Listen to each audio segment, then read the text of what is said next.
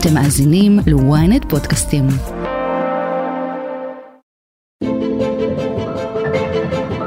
אנחנו נחזיר תושבים לבתים שלהם רק כאשר ייווצרו התנאים לעשות את זה, ונהיה בטוחים שאנחנו יכולים לתת להם הגנה.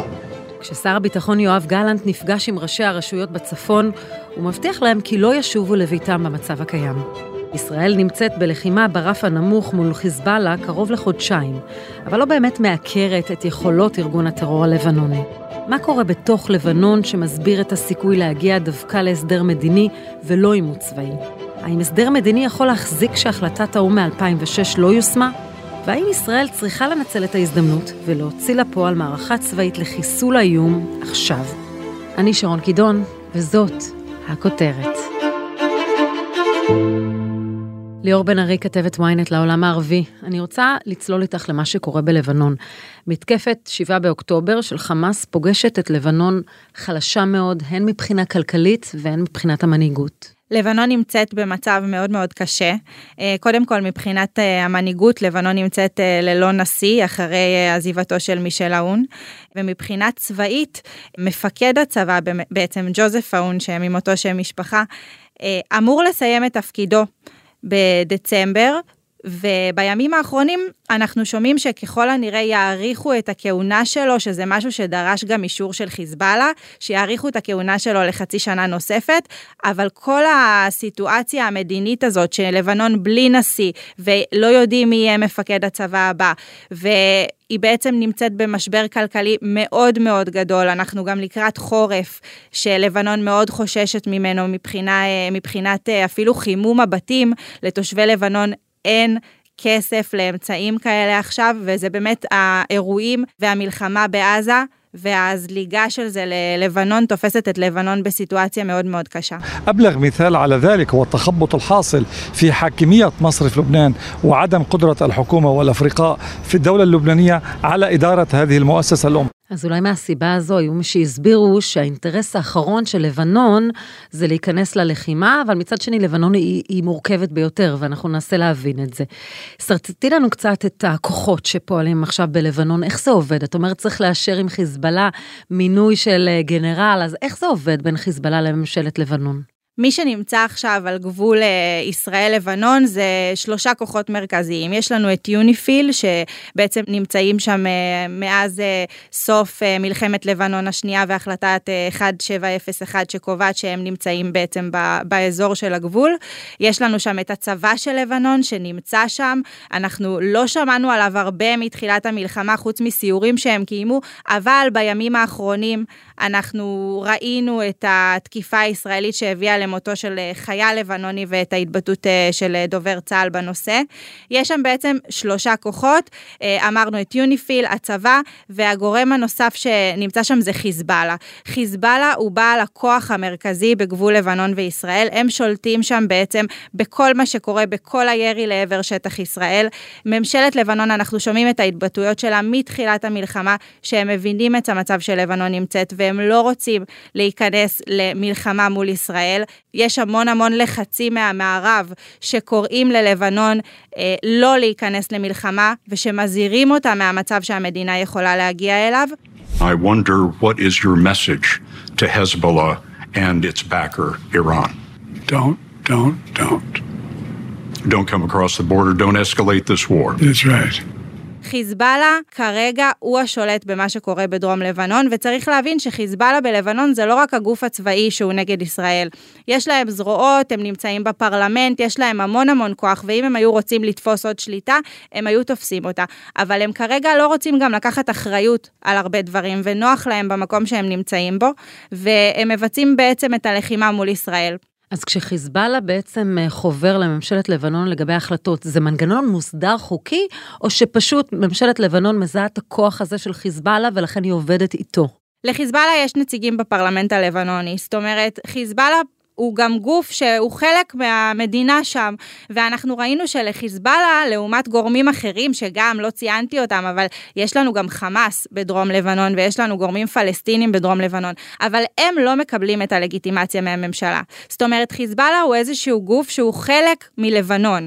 גורמים אחרים שמנסים להרים שם את הראש לא מקבלים, גם אם הם מציר ההתנגדות, לא מקבלים לגיטימציה מהממשלה.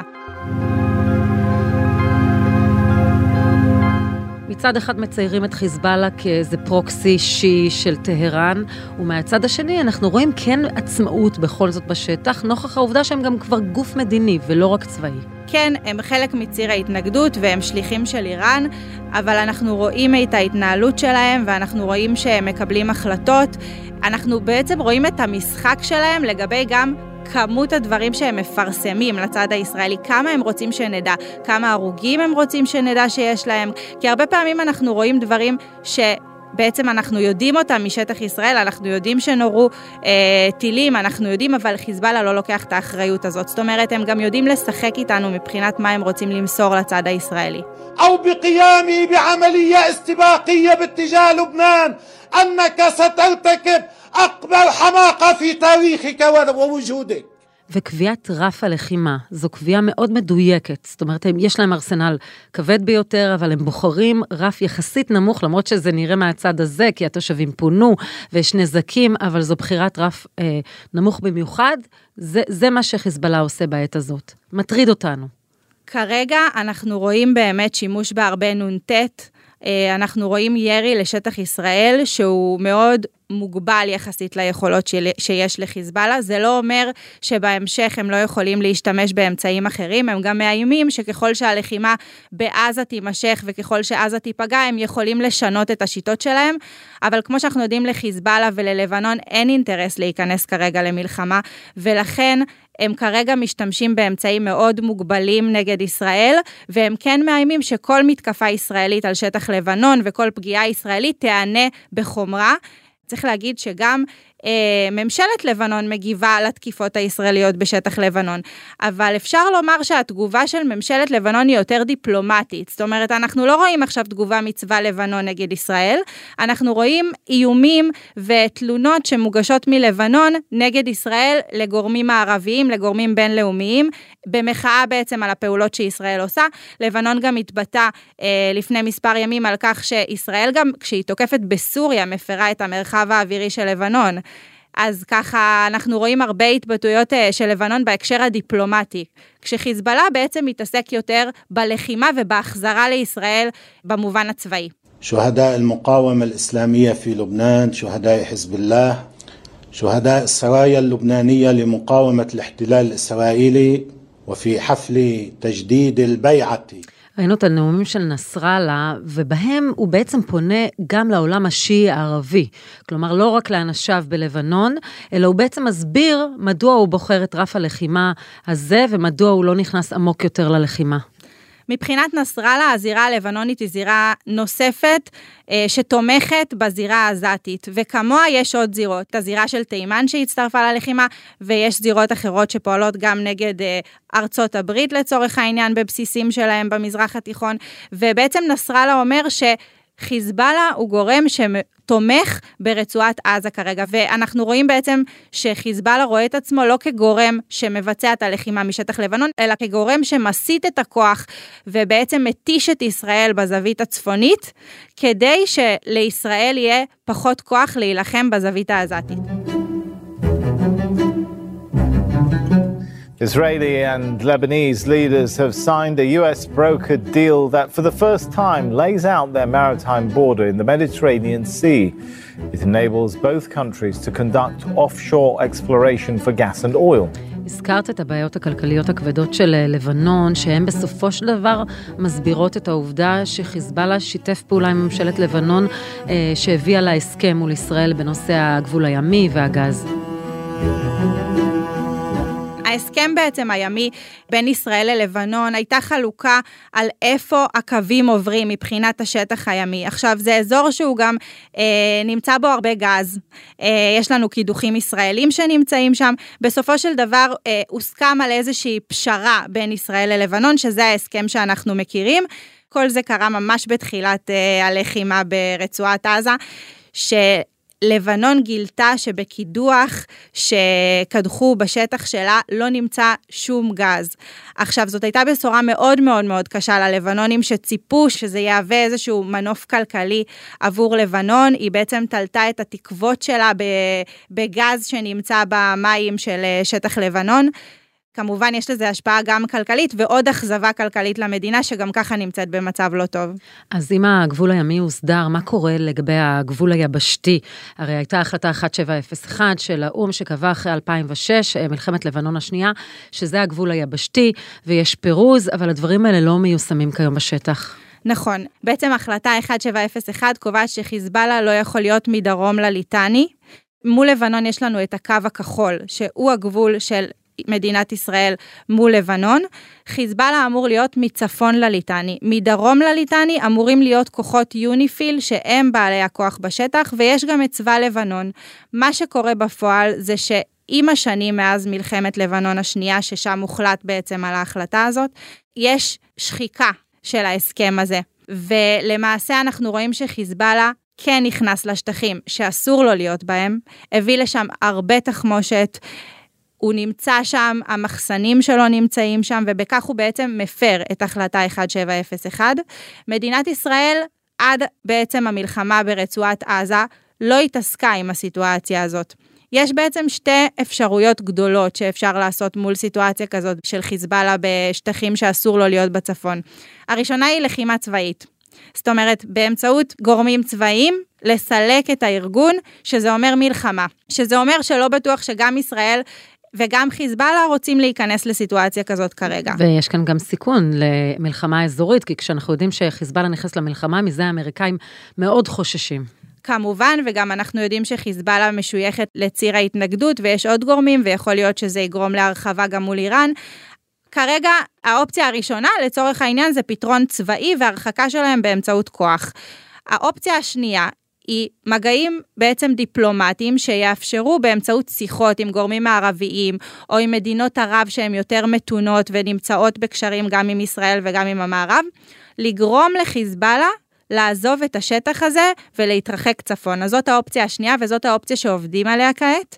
יש גורמים מערביים שנמצאים המון המון בלבנון, גם גורמים צרפתים, ובעצם הם מנסים לגרום לחיזבאללה לעזוב את השטח הזה, והם מנסים לגרום ללבנון להבין שהחלטה 1701 והשמירה על ההחלטה הזאת חשובה למדינה.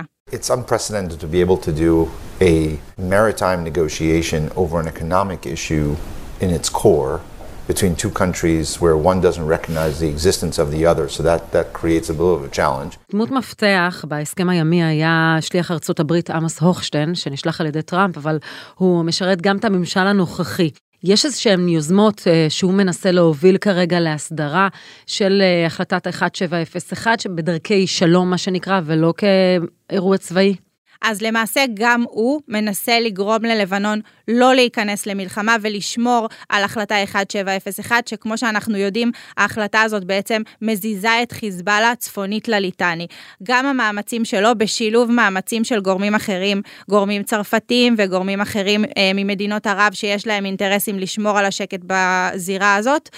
בעצם כולם פועלים כרגע לשמירה וליציבות המצב בגבול בין ישראל ללבנון, כדי לא לגרום להידרדרות למלחמה. ובכל זאת התמונות מעזה מגיעות גם ללבנון, והם רואים מה שקורה כשצה"ל כועס או כשמדינת ישראל כועסת. יש לזה אלמנט הרתעה? כלומר, עוסקים בזה בתקשורת הלבנונית, מה יכול לקרות אם חיזבאללה באמת יחליט שהוא נכנס למלחמה הזו? כמובן, ומזה הם uh, חוששים גם, יש להם זיכרונות גם מהמלחמות הקודמות, הם uh, לא רק שהם רואים את הדברים ברצועת עזה. במהלך הפסקת האש, תושבים לבנונים חזרו לבתים שלהם וראו את ההרס.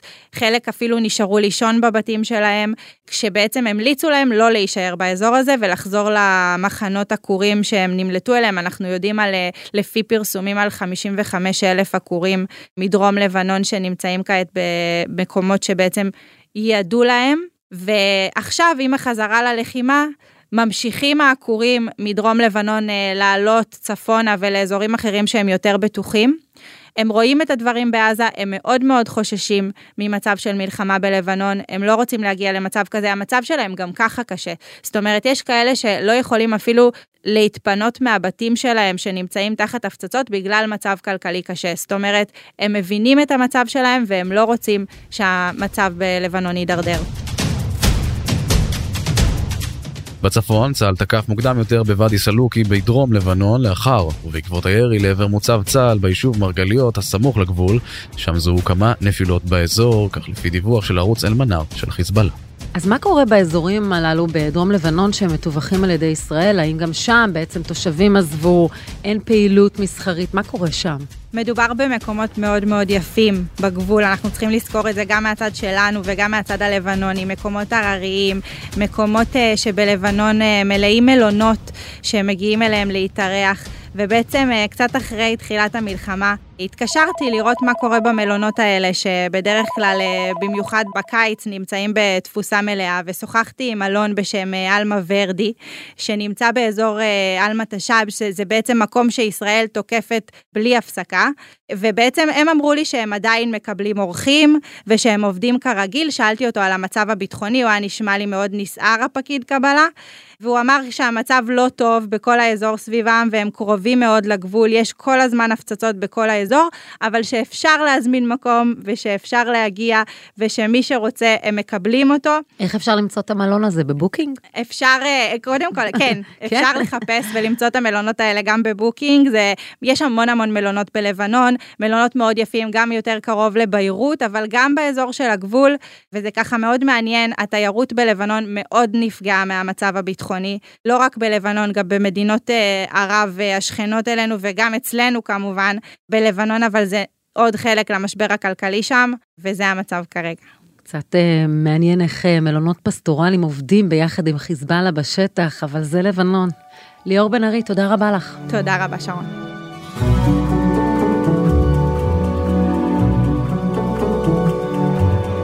בזמן שהמלונות בלבנון עוד מנסים לסיים את החודש, כבר תקופה ארוכה שענף התיירות בצפון הישראלי מושבת לחלוטין.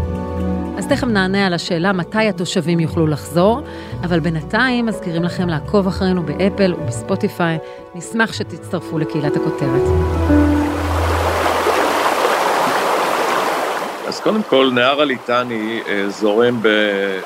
במרחק של בין עשרה לחמש עשר קילומטרים מגבול ישראל ולבנון מצפון, והוא זורם ממזרח למערב, הוא יוצר מין חיץ תבליטי גיאוגרפי של דרום לבנון. זה אלוף משנה במילואים, קובי מרום, מומחה לביטחון לאומי ולזירה הצפונית. הוא מסביר לנו על מה שקרה אז ב-2006, בסוף מלחמת לבנון השנייה. Will those in favor of the draft resolution please raise their hand? The draft resolution has been adopted unanimously as resolution 1701. בעצם החלטה 1701 מתקבלת ב-14 באוגוסט, היא קודם כל מסמנת את הפסקת האש של המלחמה הזו אחרי 33 ימים, אבל הדבר החשוב בעצם, שהיא יוצרת מנגנון ביטחוני שייצור מציאות של שקט, שהדבר המרכזי בו הוא בעצם מניעת הימצאות ופעילות של החיזבאללה מדרום לליטני, על ידי שני גורמים נוספים שייכנסו לתמונה, צבא לבנון שיעקוף את הריבונות הלבנונית, וכוח רב-לאומי בסדר גודל של 15 אלף איש. אבל צריך לומר, שרון, שההחלטה הזו התקבלה, היא החלטה מאוד בעייתית, אבל היא התקבלה מכיוון שלמלחמת לבנון השנייה, וצריך לומר את זה בצורה ברורה, לא הייתה תוצאה חד משמעית בשדה הקרב, ולכן ישראל בהסדרה המדינית נאלצה להתפשר, וזו בעצם ההחלטה עצמה. בפועל, אכן צה"ל נסוג לאחר כמה שבועות, והכוח הרב-לאומי נפרס. צבא לבנון, שהיה צריך להתפרס בסדרי גודל הרבה יותר משמעותיים, לא עשה את זה, אבל צריך לשים לב לדבר יותר משמעותי, החל מ-2009, בעצם החיזבאללה הוא שחקן מרכזי בממשלת לבנון, שמן הסתם גם אחראית על צבא לבנון. הוא בעצם שחקן פוליטי מרכזי מוביל בממשלה הלבנונית, הוא אחראי לכל המינויים המרכזיים, ראש הממשלה מיקטי, הנשיא אאון שסיים לפני כמה חודשים, ודאי אה, ידיד קרוב של החיזבאללה זה יושב ראש הפרלמנט נביע ברי, זאת אומרת כל הצמרת הלבנונית היא או כפופה או מונתה או בקשרים אמיצים עם הארגון הזה. אבל הזליגה של חיזבאללה אל מעבר דרום על הליטני זה לא משהו שישראל לא שמה לב אליו, עם השנים יש שחיקה של יוניפיל. ישראל רואה את זה ולא מטפלת בזה. למה זה קורה? נכון, אז קודם כל כדאי לציין על הרצף הזה של ה-17 שנה שלוש נקודות. אחת, בשנים 2007-2010 מתבצע תהליך אדיר של התחמשות של האיראנים את החיזבאללה. מ-30 אלף רקטות וטילים הם עולים להיום לכ-200 אלף. ישראל רואה את התהליך ההתעצמות הזאת והדרג המדיני מקבל החלטה להבליג בעיניי טעות אסטרטגית קשה שגורמת לזה שהיום מצפון יש איום כל כך גדול על אזרחי ישראל ועל האתרים האסטרטגיים ועל מדינת ישראל בכלל. הדבר השני, שכעבור זמן לא רב החלה זליגה של אנשי החיזבאללה לדרום לבנון, מדרום לליטני, בהתחלה כרועי צאן, אחר כך כארגוני איכות סביבה, ובעצם בחודשים שלפני המלחמה ראינו נוכחות מלאה של אלפי אנשי רדואן, עשרות מטרים מבתי מטולה וזרעית, בלי תגובה ישראלית.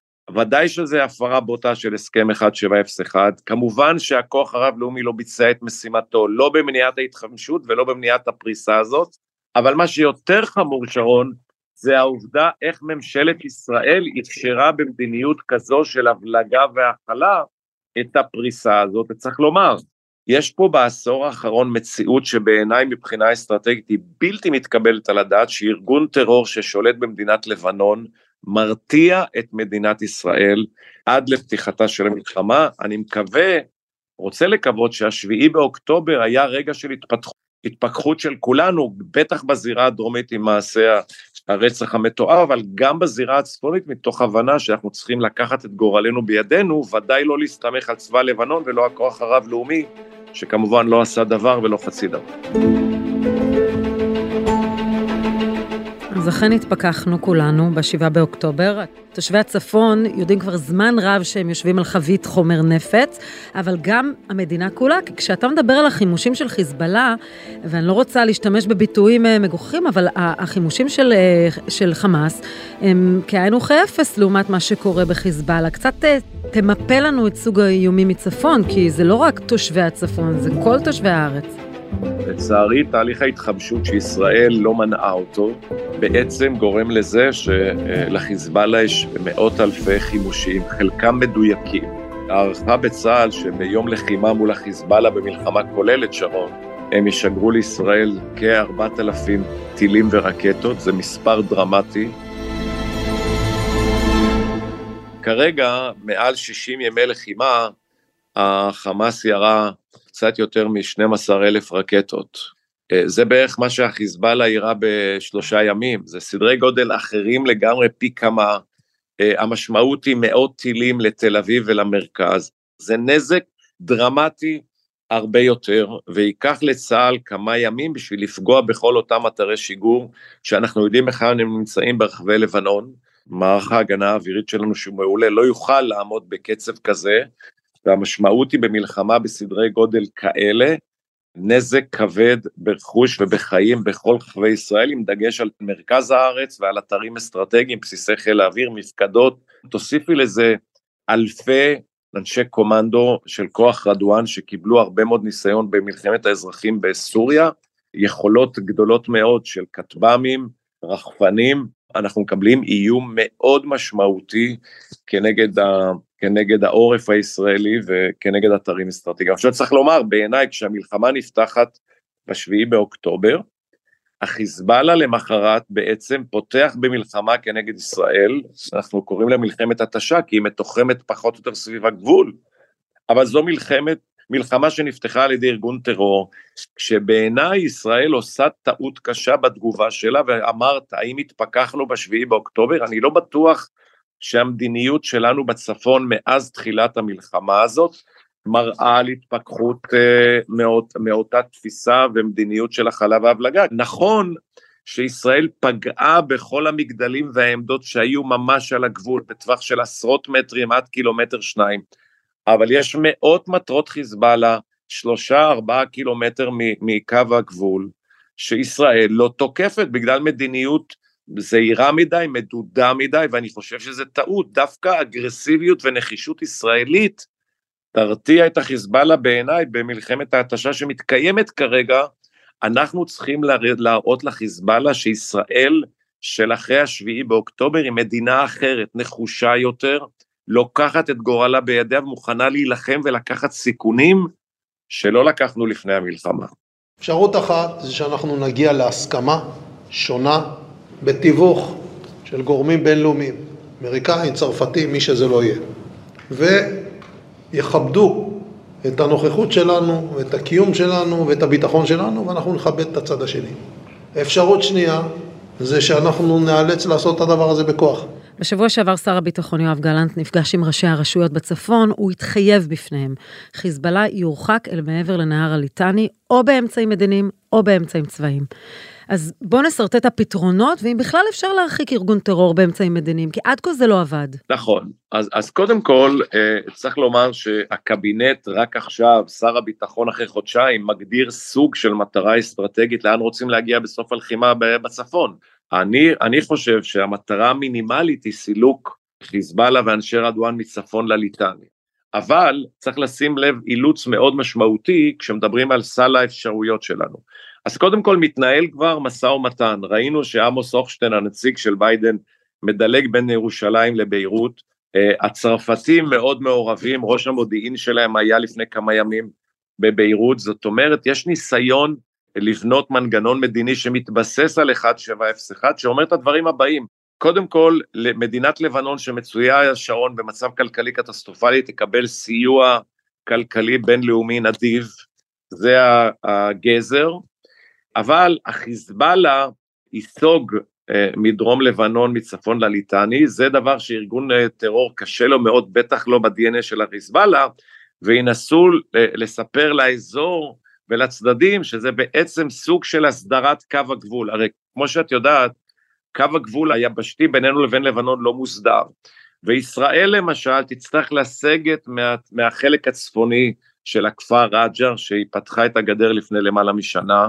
כי ההסכם בנסיגה ב-2000 הוא חייב שהחלק הצפוני הוא אכן לבנוני, אולי נוכחות של כוח רב-לאומי כזה או אחר בחוות שבא, למרות שהאו"ם הכריע גם בעניין הזה שהוא שטח ששייך לרמת הגולן, אבל החיזבאללה, שיהיה לו קשה מאוד לספר שהוא נסוג, ינסה אה, למכור את זה לציבור שלו, ובכלל, שזה סוג של הסדרה של קו הגבול בינו לבין ישראל. האם המנגנון הזה יכול לעבוד? קודם כל, חלק מהיכולת של החיזבאללה אה, להסכים לסוג של הסדרה יבשתית כזאת של מנגנון, היא התוצאה החד משמעית שתהיה בעזה. אם החיזבאללה והאיראנים יראו, ואני מניח שזה מה שיקרה בחודש הקרוב, הכרעה בעזה, צה"ל משתלט על המוקדים של החמאס, פוגע בו בצורה קשה, זה בהחלט ידחוף אותם ללכת להסדרה, כי הם מבינים שזה מה שצה"ל צריך לעשות. בעיניי, אחרי המאמץ בעזה בעוד כמה שבועות, צה"ל צריך לרכז את מיטב הכוחות המתמרנים שלו, ואם המשא ומתן הזה שאני מדבר עליו לא יבשיל, צה"ל צריך לצאת במלחמה מוגבלת, הוא יגדיר שהיא מוגבלת בשביל לסלק את החיזבאללה, זה יחדד את הדילמה של האיראנים, האם הם מוכנים לשלם מחירים כבדים בלבנון במלחמה שכזו, אני לא בטוח אגב, אבל גם אם נלך לאופציה הראשונה, שרון, של מנגנון מדיני בעיניי הוא יחזיק מעט מאוד זמן. מה שצריך להשתנות כשיתחילו ההפרות של החיזבאללה, זה מדיניות תגובה חריפה להראות לחיזבאללה ולאיראנים שישראל אחרי השביעי באוקטובר היא מדינה אחרת שמוכנה לקחת, לקחת את גורלה בידיה ולהילחם בשביל ביטחון בצפון. קובי מרום, תודה רבה לך על השיחה. תודה שרון, יום מקסים. תודה. ועד כאן הכותרת להפעם. אם עדיין לא נרשמתם לעקוב אחרינו באפל או בספוטיפיי, כדאי לכם. אתם מוזמנים לדרג אותנו, להגיב לנו איזה צימר אתם הייתם סוגרים לסוף שבוע על גדת הליטני. את הכותרת אפשר למצוא גם באתר ynet, באפליקציה, בנייד וברכב. אם הגעתם עד פה, אתם מוזמנים להאזין לפרק נוסף שלנו על האיום הגובר מעבר לקו הירוק. חפשו את הפרק הזירה המבעבעת ביהודה ושומרון.